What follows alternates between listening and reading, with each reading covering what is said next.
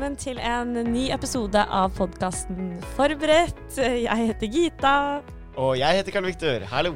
Og i dag Karl Viktor, så skal vi snakke om et uh, fag, et fagområde som uh, har blitt mer og mer aktuelt. Mm. Uh, nemlig beskyttelse av immateriale rettigheter.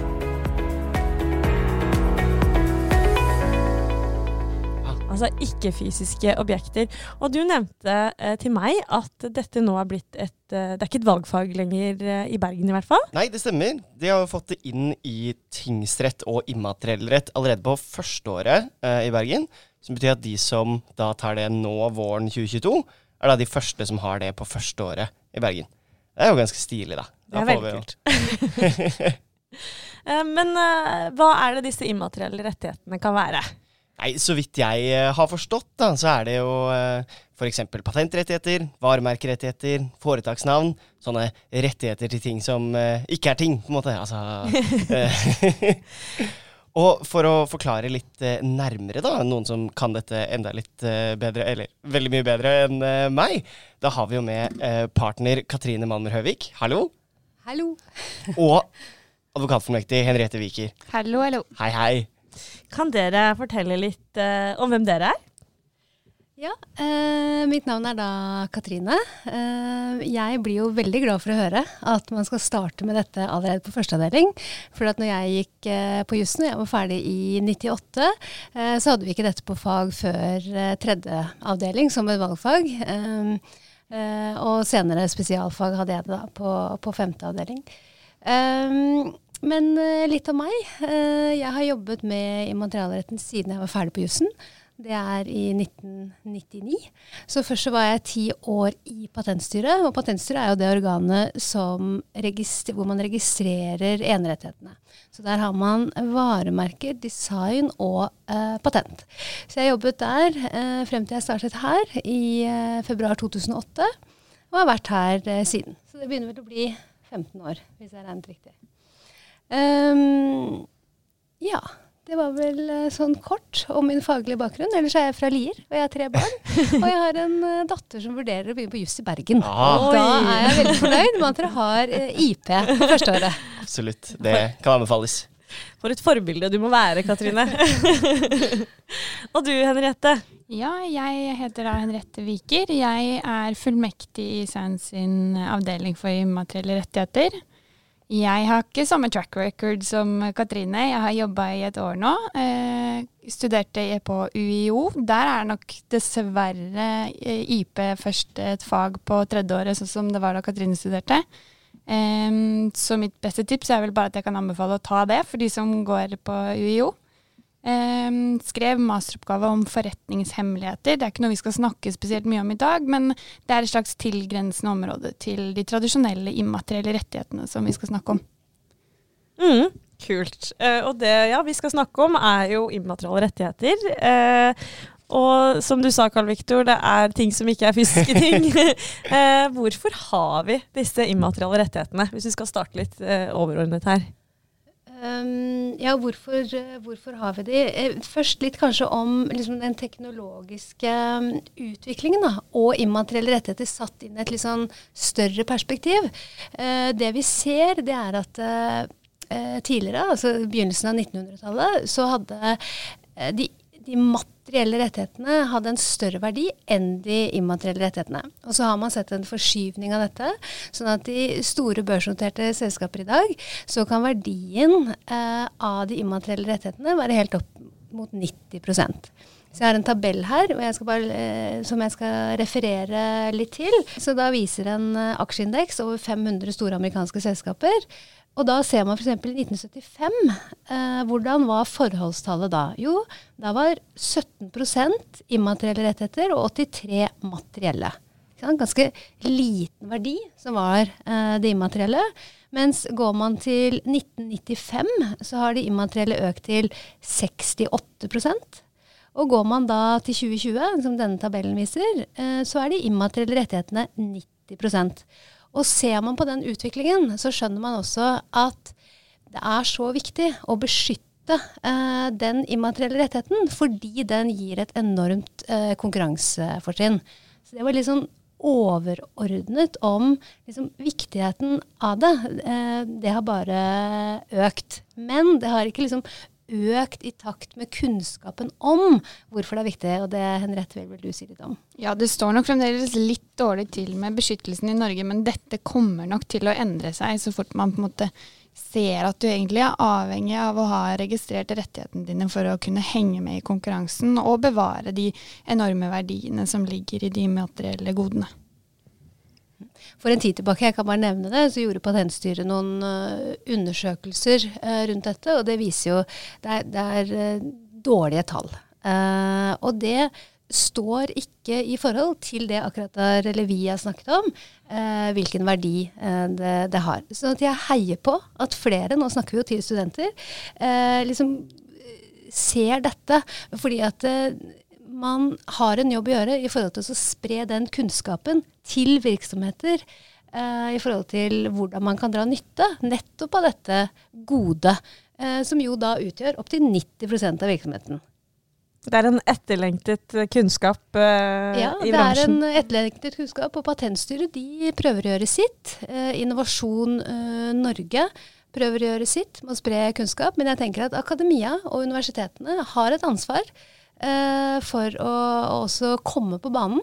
Så derfor er det veldig gledelig at eh, Bergen nå gjør dette. ja, og ikke minst eh, forberedt, da, som sprer det glade budskap. Eh, og nå har vi jo snakket en del eh, rundt dette, disse immaterielle rettighetene, men sitter jo fortsatt og lurer på egentlig hva, hva er det for noe? Hva er immaterielle rettigheter?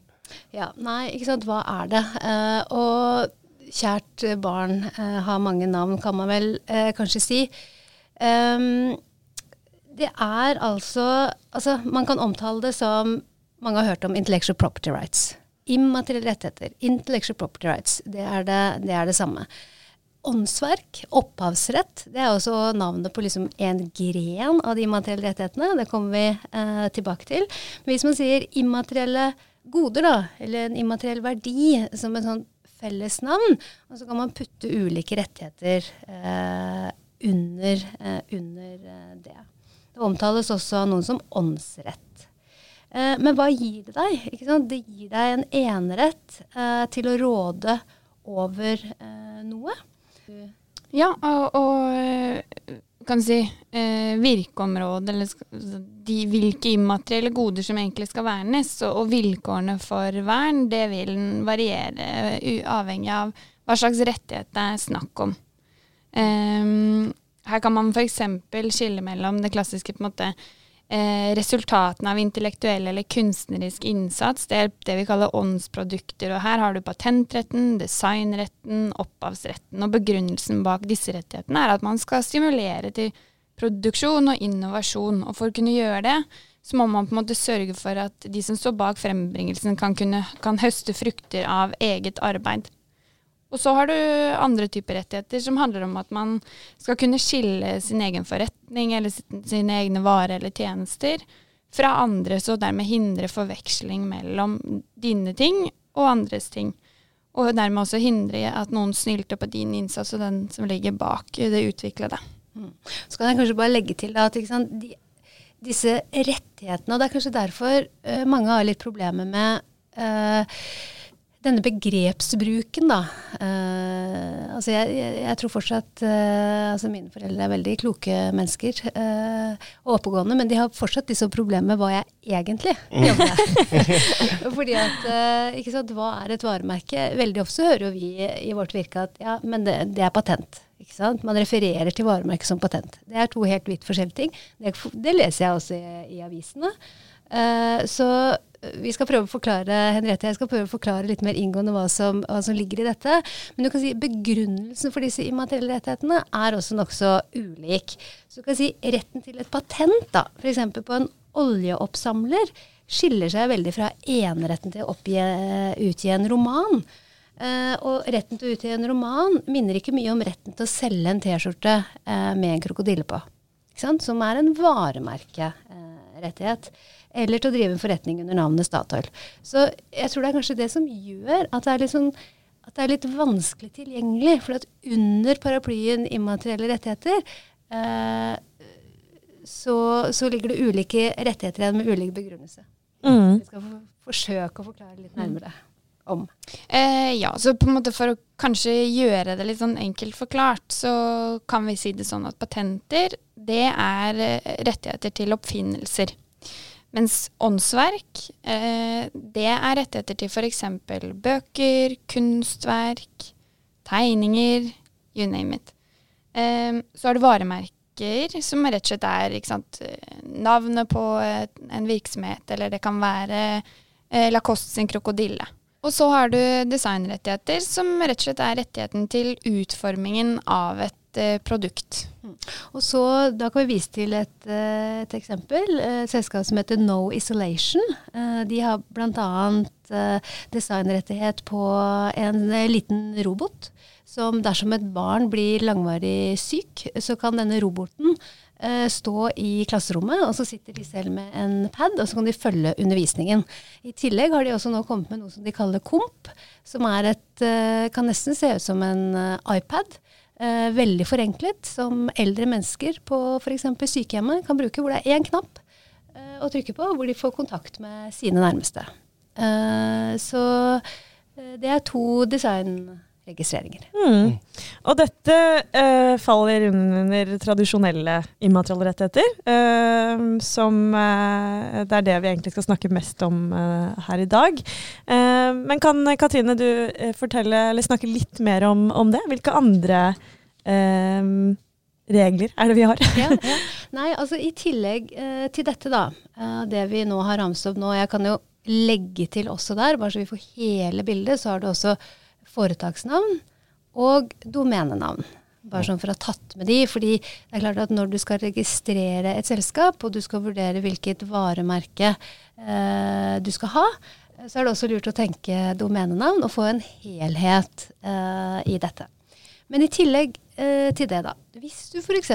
ikke har registrert eh, varemerket ditt, men du har brukt et kjennetegn i lang tid, enten en logo eller et ordmerke, så kan man tenke seg også at du har et vern gjennom markedsføringsloven dersom en eh, konkurrent kommer og bruker et lignende eh, kjennetegn.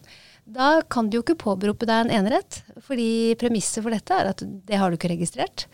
Eh, men dersom inngriperen, da, eller eh, ja, inngriperen, eh, har handlet eh, illojal, altså brukt dette merket vel vitende om eh, at eh, trenger ikke være vel vitende engang, men han har etterlignet ditt kjennetegn, eh, så eh, kan han bli dømt etter denne loven, denne markedsføringsloven. Man kan også da bli idømt erstatning.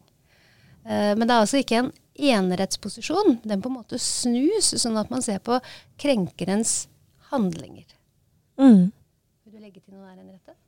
Eh, nei, det blir nok det sentrale også å, huske på da at selv om man ikke nødvendigvis har fått ordna seg en enerett, så er man på en måte ikke helt forsvarsløs nødvendigvis, men da må man inn og se på noen ytterligere vilkår i markedsføringsloven for å se om du kan klandre den som eventuelt har etterlignet din ting, eller det immaterielle gode, da.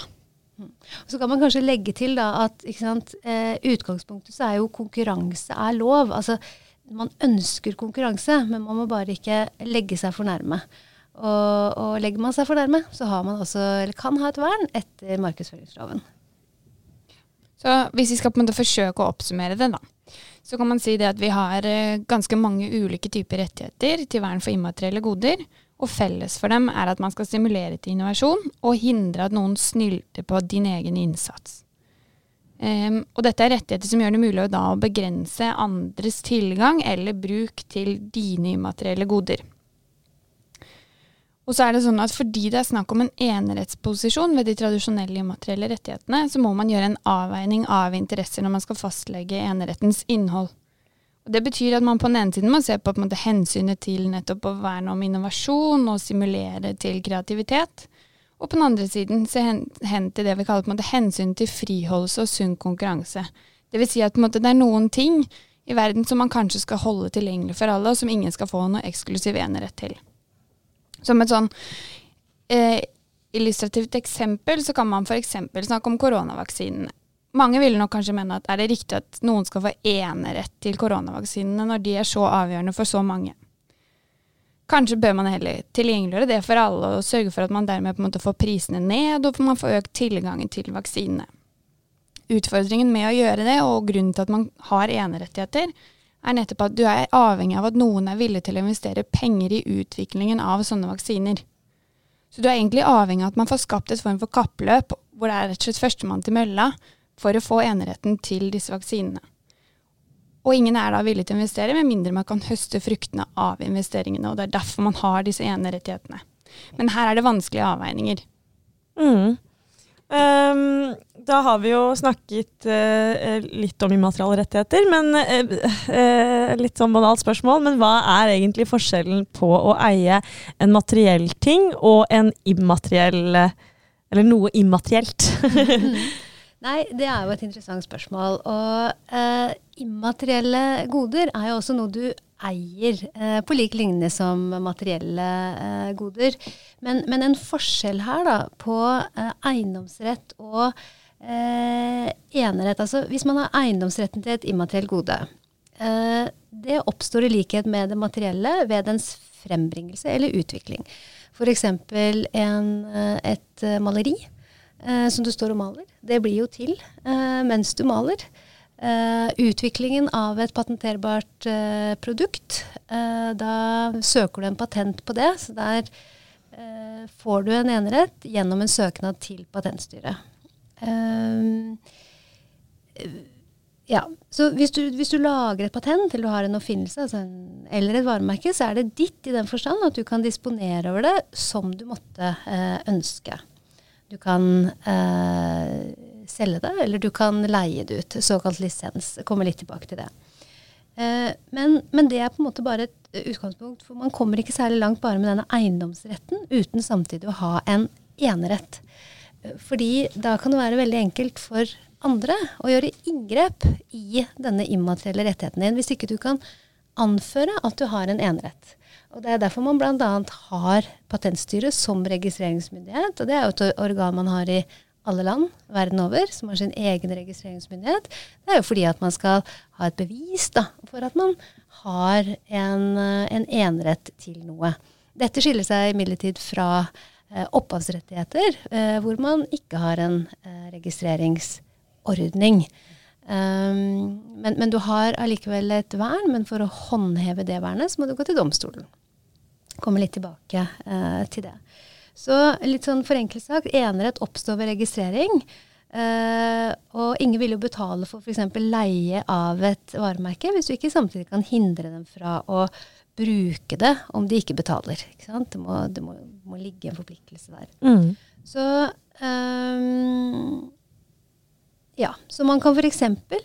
Uh, ha en varemerkerettighet og velge å hvordan, hvordan, skal man få en verdi ut uh, av det, da? Si du har en varemerkerett i, i Norge, uh, og så ønsker du å selge produktene dine uh, i andre land. Eh, og så kan du lisensiere ut f.eks. varemerket ditt i disse andre landene, og rettigheter til å selge uh, produktene. Men det er mange måter å kapitalisere på uh, dine rettigheter. Ja, og, og, det som også er interessant når man snakker om forskjellen på eiendomsrett og enerett, er jo at eneretten den påvirker hvordan andre kan bruke sine immaterielle goder. Mm. Så hvis du tar f.eks. Tanken på at du på en måte eier din egen bil, så vil ikke det påvirke f.eks. hvordan naboen kan bruke sin bil. Mens hvis du har en eh, enerett, si Elon Musk som har eneretten til navnet Tesla, det gjør at han kan hindre andre konkurrenter i å komme på markedet med samme navn. Så har liksom, det har en, en, form for impact inn på andres eh, disponering av egne goder. Og konsekvensen er jo da, som jeg nevnte, at det er derfor man må avveie ulike hensyn når man skal fastlegge innholdet av eneretten. Da har vi jo snakket en del om hva det handler om å ha eh, enerett til et immaterielt gode, men eh, hvordan får man det, da? Ja, det var Katrine sånn så vidt eh, innom. Eh, for opphavsrett så oppstår eneretten i, i, egentlig i kraft av frembringelsen eller utviklingen av verket. Altså, hvis du skriver en bok, så får du enerett uh, mens du skriver. Mm, trenger ikke å gjøre noe mer. Mens med de andre rettighetene, det vi gjerne kaller på en måte de industrielle rettighetene, som er da patent, design og varemerke, så må du gå til Patentstyret og søke om å få uh, rettigheten din registrert. Da mottar Patentstyret en søknad, og så vurderer de om vilkårene for enerett er oppfylt. Og er vilkårene oppfylt, så vil da Patentstyret registrere rettigheten din. Der kan man altså gå inn i Patentstyrets register og så se hvilke rettigheter som er registrert der. Og et særtrekk for slike registreringer er at de er i utgangspunktet egentlig bare en antakelse, eller det vi i jussen kaller en presumpsjon for en rett.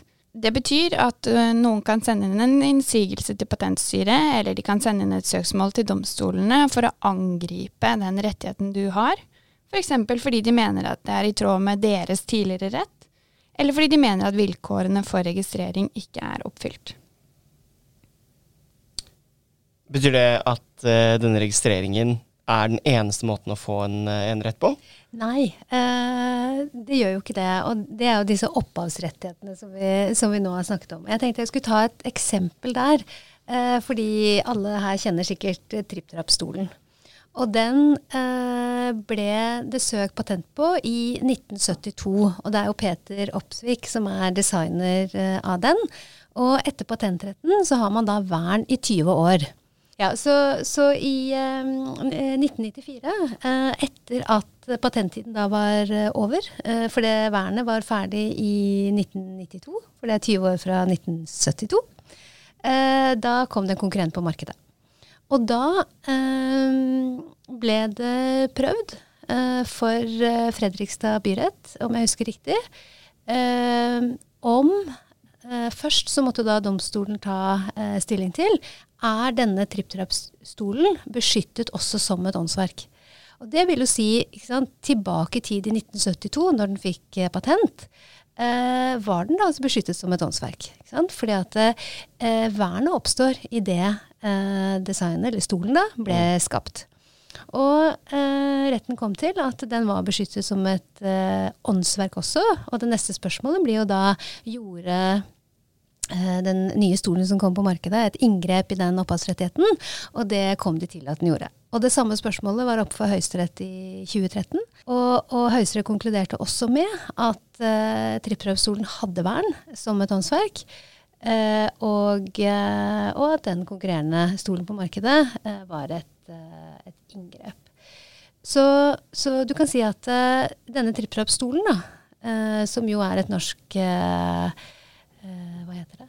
Industrieventyr Uh, har jo et veldig omfattende vern. Og jeg vet at uh, Stokke og TrippTrapp de har jo kjørt omfattende rettssaker verden over for å stoppe kopiister. Mm. De har jo nettopp forvaltet den rettigheten som ligger i det konkurransefortrinnet. Først var det et patent, men samtidig en opphavsrettighet. Og da kan man jo begynne å se på vernetid. Fordi at et patent har vern i 20 år, og så er monopolet over. Mm. Men når du får uh, vern som et åndsverk, så har du altså vern 70 år etter opphavsmannens død. Og Peter Opsvik, han er designer, jeg tipper han er født det skal jeg være litt forsiktig med å si, men jeg tipper kanskje 44-45 eller noe sånt nå. Uh, så det vil jo si, uh, hvis han blir 90 år, så kan man regne 70 år derfra. Så det er et enormt vern når man først får en rettighet. Er det fordi den stolen er så spesiell, eller jeg skjønner ikke helt uh... Uh, Ja, ikke sant. De, de, de kommer jo til Ja, du kan egentlig si det. Fordi at uh, for å få et åndsverk så må det være noe originalt. en skapende innsats. Altså du har ja, som du skal se på. Det er klart, i disse sakene som blir prøvd når det er snakk om åndsverk, så kommer det også sakkyndige inn, og sakkyndige vitner som uttaler seg om dette.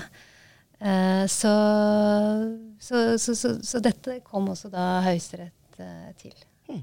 Og, og, hvis man da får en sånn dom på at noen har uh, grepet inn i ditt åndsverk, eller din enerett, da, uansett hvilken type det skulle være, hva er virkningen av det? Kan, er det da de får dom mot seg at dere har ikke lov til å selge dette produktet, eller? Ja, ja. det, det, er riktig. Da må man opphøre med bruken, og så kan det gjerne være en erstatning eh, forbundet med det.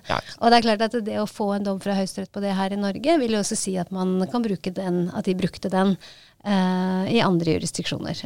Som selvfølgelig ikke er direkte bundet av det, men det er jo en føring hva man kom til her i uh, norsk høyesterett. Mm. Så det var litt sånn om hvordan disse rettighetene jobber sammen. Uh, så da ser man altså et eksempel på en parallell beskyttelse Hvor den ene er i 20 år, men hvor den andre har en mye lengre horisont. da. Digg for de, da. Det er jo helt uh, fantastisk for de, og tenk deg hvor mye de har tjent på det. Ja. så, så det vil jeg si om, uh, om patent- og opphavsretten. Og varemerkeretten også, så kan man også få et vern gjennom det man kaller innarbeidelse. Det vil si at man har brukt uh, merket i en så stor utstrekning at det er kjent for det som er omsetningskretsen, da. De forbrukerne. Ja. Da har vi snakket litt om registrering av, av enerettigheter, og så nevnte du Henriette, at uh, det er noen vilkår da, som uh, Patentstyret vurderer når man skal vurdere en sånn uh, søknad. Hva er de vilkårene? Ja, det er helt riktig. Eh, de vilkårene vil avhenge av hvilken rettighet det er snakk om, men, hvis vi skal prøve å holde det litt enkelt, så kan man si det at felles for alle disse vilkårene er egentlig at det, det må være prestert et selvstendig skapende inn, innsats eller arbeid. Det må være en viss form for nyhet eller originalitet ved det du har frembrakt. Og så kreves det ikke at noe er skapt ut av seg selv, for det er ingenting som oppstår i et vakuum. Eh, og du kan gjerne la deg inspirere, eh, men det må være noe mer enn en kopi av en annen persons verk. Så du må ha lagt ned et eller annet form for selvstendig arbeid for å skape noe mer, eller noe annet enn det du lot deg inspirere av.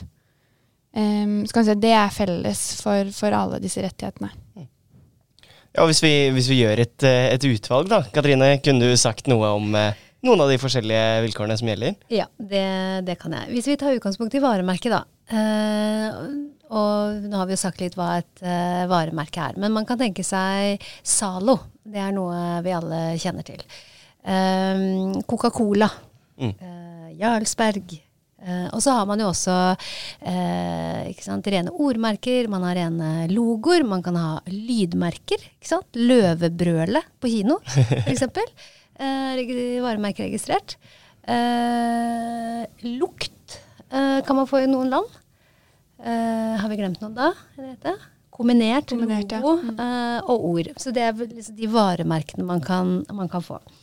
Og uh, hva, uh, hva, hvilke vilkår stilles da? For det første så må du ha et såkalt særpreg. Og det betyr at du får ikke registrert brød for brød.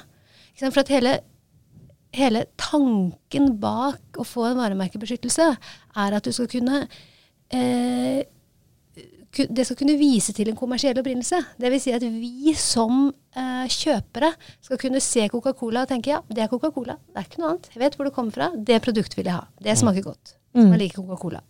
Eh, eller Farris. Eller, ikke sant? Vi skal, vi skal, vite hvem som står bak. Det er på en måte hele kjernen.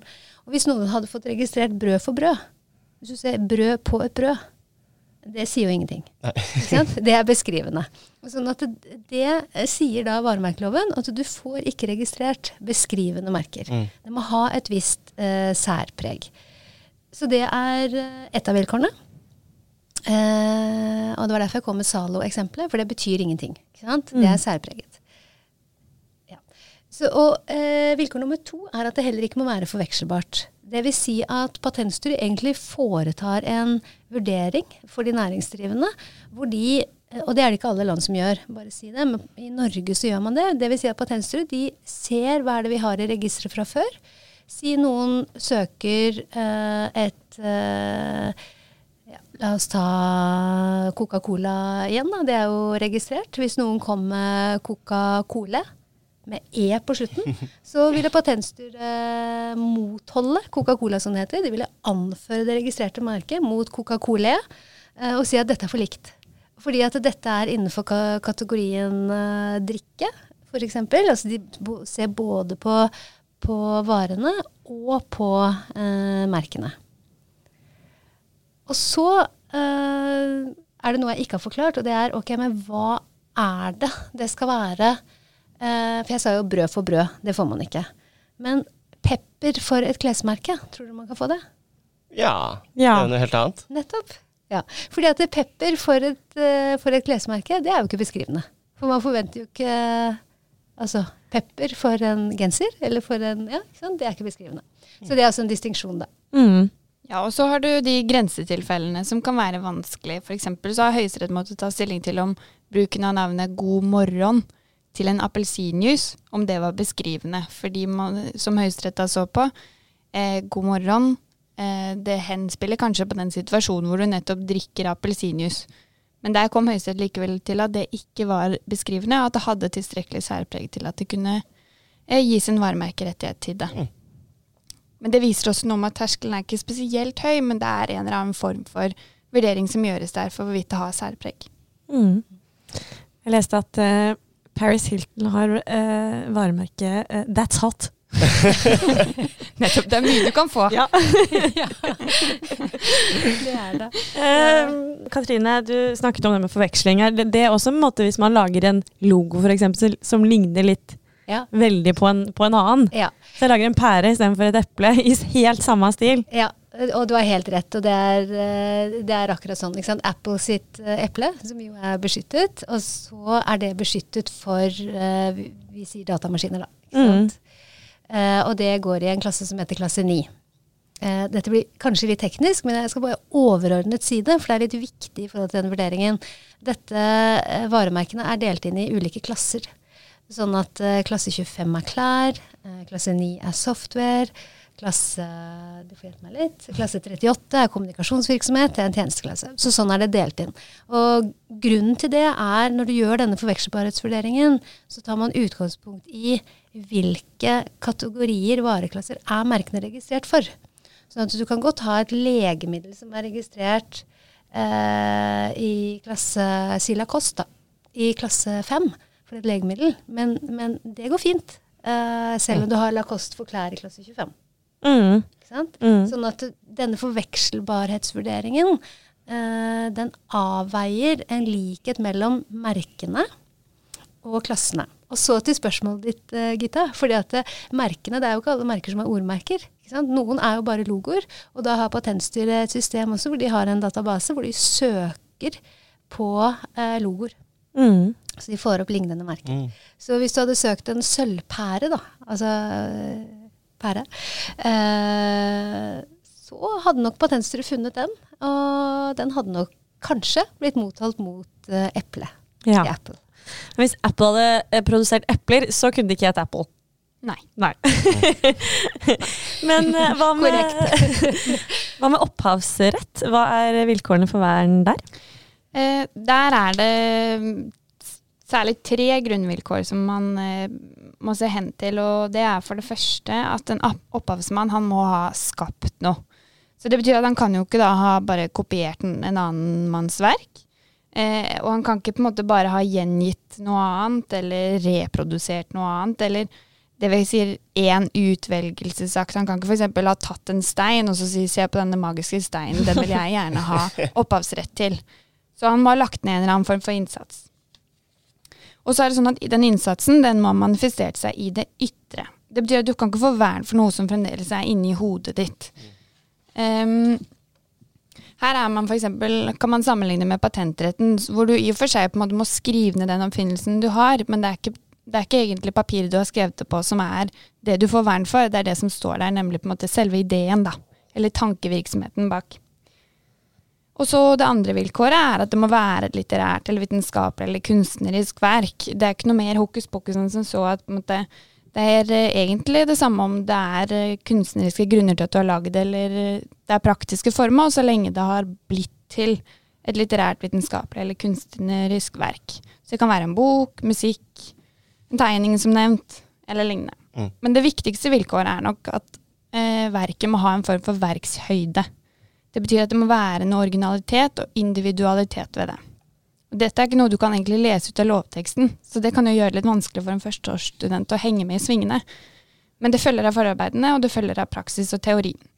Så her har Høyesterett sagt at det må foreligge en eller annen form for individuell, preget, skapende innsats. Eh, som har frem, frembakt noe, noe som fremstår som originalt. Eh, og det er ikke kvaliteten eller kvantiteten som er avgjørende, men rett og slett om det er originalt nok. Og da ser man på enkeltdetaljer, og man ser på sammenstillingen og helhetsinntrykket til verket. Eh, og som Katrine også har vært inne på, forskjellen på f.eks. opphavsrett og varemerkerett er at opphavsrettighetene ikke kan registreres. Så om vilkårene for at eh, et, eh, altså et åndsverk er oppfylt, det vil egentlig først komme på spissen ved et eventuelt søksmål. Så noen må Du f.eks. hvis du har, eh, mener du har rettighetene til et uh, kunstverk, eller f.eks. tripp-trapp-stolen, da. Så må du saksøke de du mener eventuelt gjør inngrep i rettigheten din. Eh, og så vil da typisk da den som er eh, påstått å være en inngriper, vil mene at ja, men, du har ingen rettighet, dette er ikke en rettsbeskyttet. Og så vil da domstolen måtte ta stilling til om vilkårene er oppfylt. Kommer domstolen til at vilkårene er oppfylt, sånn som i tripp-trapp-stol-saken, ja, så vil det også fort kanskje kunne foreligge et inngrep, og så har du da vern, og kan hindre da denne etterligneren i å produsere og selge noe som er en etterligning. Så det er jo egentlig sånn som ganske mange andre rettigheter man kan ha. altså Nettopp. Si en eh, hevdet rettighet, eh, hevdet veirett da, eksempel. Du vil jo ikke ha noe ytre papir, papir på at, eller noe avgjørelse på at du har den rettigheten før du eventuelt går til domstolene, eller noen går til domstolen mot deg, da. Ja, helt riktig. Ja, og hva innebærer det så egentlig da at man har en uh, sånn enerett? Hva kan man gjøre med den?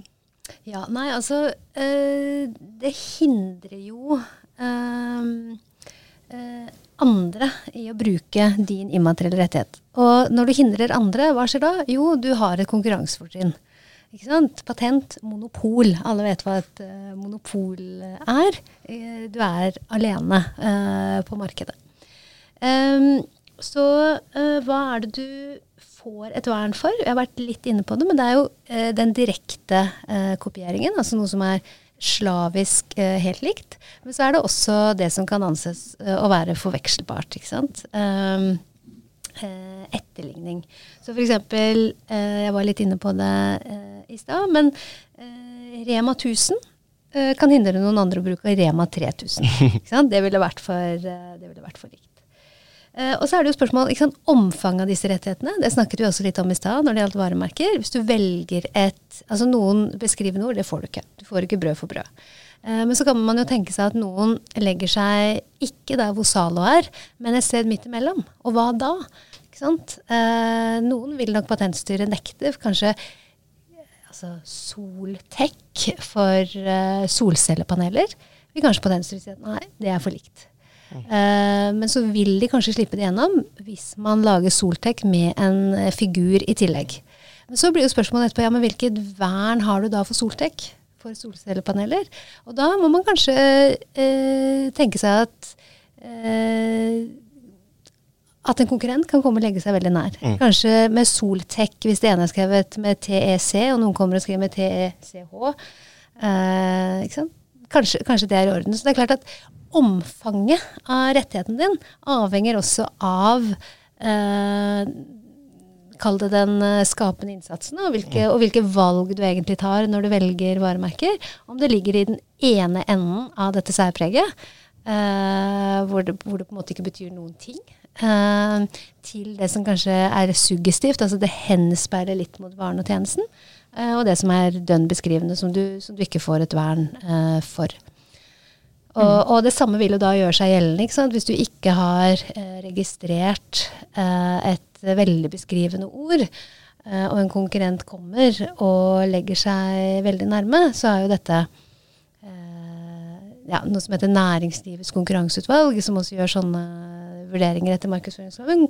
De tar en vurdering av er det særpreget. Er det veldig sånn beskrivende for virksomheten, så er det ikke sikkert du får et vern, selv om noen andre legger seg tett opp til. Mm. Og det, det, er jo litt av dette her som gjør dette faget både gøy og vanskelig, for i sammenligning f.eks. med da fysiske ting, hvor du kan si at den bilen er min. Og da lurer du ikke på hvor mye av den bilen som er din. Den bilen er din, ferdig. Mens med immaterialrettslige goder, så, så, vil du i mye større grad måtte gå konkret til verks og stille et spørsmål om hvor mye av dette her er det jeg kan hindre andre i å bruke. Um, den vurderingen er ikke alltid enkel. Noen ganger må du ha eh, fagkyndig inne i bildet som kan si noe om det. Eh, men det er det som også gjør dette veldig interessant, da, og som gjør at dette egentlig også er et dynamisk felt hvor man på en måte må henge litt med i svingene. Mm. Det er rett og slett et enormt skjønn som skal, som skal utvises. Og Henriette jeg har jo snakket om det noen ganger. Vi er på denne grublebussen ofte, altså. Mm. Bare, det er mye grublerier om eh, liksom eh, Ja, hvordan skal vi skjønne over, uh, over dette? Og når man grubler, da, uh, hvordan gjør man egentlig uh, den konkrete inngrepsvurderingen? når det er så vanskelig og gøy? uh, nei, jeg var jo litt inne på det eh, i stad, da. Eh, for det går jo på denne sant, forvekselbarhetsvurdering, hvor du må se vareslagene mot uh, kjennetegnene, og, og, vurdere det. Eh, så det er, eh, som jeg husker jeg lærte på jussen, en skjønnsmessig helhetlig vurdering, rett og slett. Um, så jeg vet ikke om det er eh, Altså det er vanskelig å si noe mer uh, konkret egentlig enn det. Man må se hvordan er det dette vil bli oppfattet av en såkalt gjennomsnittsforbruker. Så hvem kjøper egentlig disse varene? Man tar liksom utgangspunkt uh, i det. Man kan jo også tenke seg at det er Eh, f.eks. medisiner som bare går til eh, apotekene. Okay, da er gjennomsnittsforbrukeren eh, både der og de som går og handler dette. Så man må liksom finne denne gjennomsnittsforbrukeren, og så blir det en veldig konkret vurdering. Mm. Har du noe å legge til, Henriette? Uh, nei, ikke noe annet enn at uh, sånn, hvis du skal tenke litt sånn på studentene her og på eksamen, så kan du se for deg at enten så kan du tenke at en konkret skjønnsmessig helhetsvurdering er et mareritt, eller så kan du tenke at det er rom for fri utfoldelse. Her er det lov å mene litt, for dette er skjønnsmessige vurderinger som det ikke nødvendigvis alltid er en helt sånn tydelig fasit på. Mm. Fordi uh, altså når man snakker om musikk eller et kunstverk, så sier det seg selv at det er ikke liksom helt gitt alltid. hvor tett opp til et kunstverk du kan legge deg. Så, så, kanskje for studentene også å vite, sånn som du sa da, Henriette, at i disse sakene, eh, særlig opphavsrett eh, og, og, patent eh, og også design, det er sakkyndige som er inne. Og, og, hva tilsier det? Jo, det tilsier at det er et skjønn. Og, og sakkyndige kommer inn med sin spisskompetanse og uttaler seg om om det er en arkitekttegning, eller om det er et patent, eh, eller eh, ja. ja. Og det gjør jo også at en sensor aldri forutsetter at du er sakkyndig. Så så lenge du har vist til de riktige knaggene og vurderingsnormene, eh, nemlig nettopp sant, i hvilken grad kan du egentlig gjenfinne det opprinnelige verket f.eks. i denne etterligningen, det er på en måte det du skal eh, se etter, og den vurderingsnormen du skal stille opp, og så er det egentlig fritt skjønn deretter. Konklusjonen den er ikke helt gitt alltid. Nei, det er jeg helt enig i. Ja. Så få med vurderingene. Ja. ja. Ja. Vi egentlig, var, var vi egentlig rundt Jeg tror uh, egentlig det. Altså. Ja, spennende. Og dette var gøy. hadde jeg studert juss, så tror jeg jeg hadde tatt dette. ja. Ja, Da var dere jo litt inne på litt uh, eksamenstips, men har dere noen siste velmenende ord til studentene? Ja, altså jeg, jeg, tenker at jeg kan si litt for egen del om dette faget. Da. Det var på sett og vis litt tilfeldig at jeg eh, startet med immaterielle rettigheter. Det var en venninne som jobbet i et patentkontor som uh, spurte om jeg hadde lyst til å For jeg trengte en sommerjobb. Så jeg startet uh, på andre avdeling, uh, og så ble det min bane. Men jeg må bare si at dette er et Nå er jo ikke jeg helt objektiv, men jeg har jobbet med dette i mange år. og jeg må si jeg syns det er et kjempespennende fag. Det er et veldig sånn mangefasettert, tror jeg jeg må si, og vi dekker mange juridiske, altså mange ulike disipliner. da. Nå har vi jo vært gjennom sant, patent, varemerkedesign, markedsføringslov, opphavsrett, foretaksnavn. Og i tillegg så jobber vi mye med tvister. Uh, og det er fordi at vi blir spesialisert, og det er jo en egen uh, Det er tvungent verneting i, i Oslo. Uh, og det sier jo noe også om kompleksiteten i dette, at de velger å ha det. og så tenker jeg at jeg vil si at det er, det er kjempespennende dette grensesnittet mellom juss og teknologi. ja, så, så det kan, det kan, kanskje være et litt sånn tungt fag å få liksom taket på. Eh, men det er jo når man også ser da, verdien av de immaterielle rettighetene i virksomheter i Norge og i verden, så er dette et fag som eh, jeg tenker kommer til å leve mange mange år fremover og få, har liksom stor aktualitet. Ja. så jeg vil bare anbefale studentene å ta det.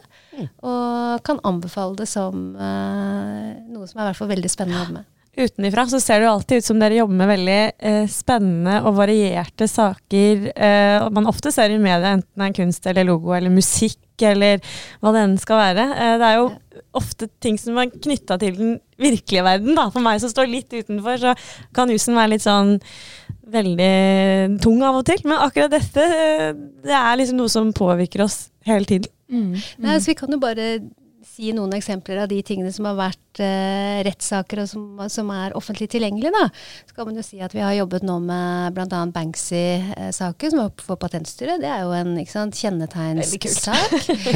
eh, og så eh, har vi jo akkurat nå jobbet med en sak eh, som har vært litt mer eh, teknisk, men også brudd på bedriftshemmeligheter, hvor vi har måttet rett og slett sette oss inn i produksjon. altså Eh, oppdrettsanlegg på land, veldig teknisk. Eh, og produksjon av hydrogen og ammoniakk.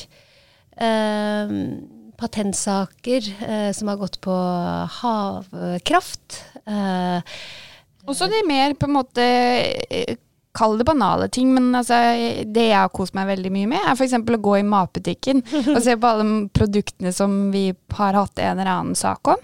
Ja. Det er jo egentlig ikke rent få. Nei. Eller i klesindustrien. Det er veldig mye det er immaterielle rettigheter knyttet til. Søk, folkens! Ja, gjør det.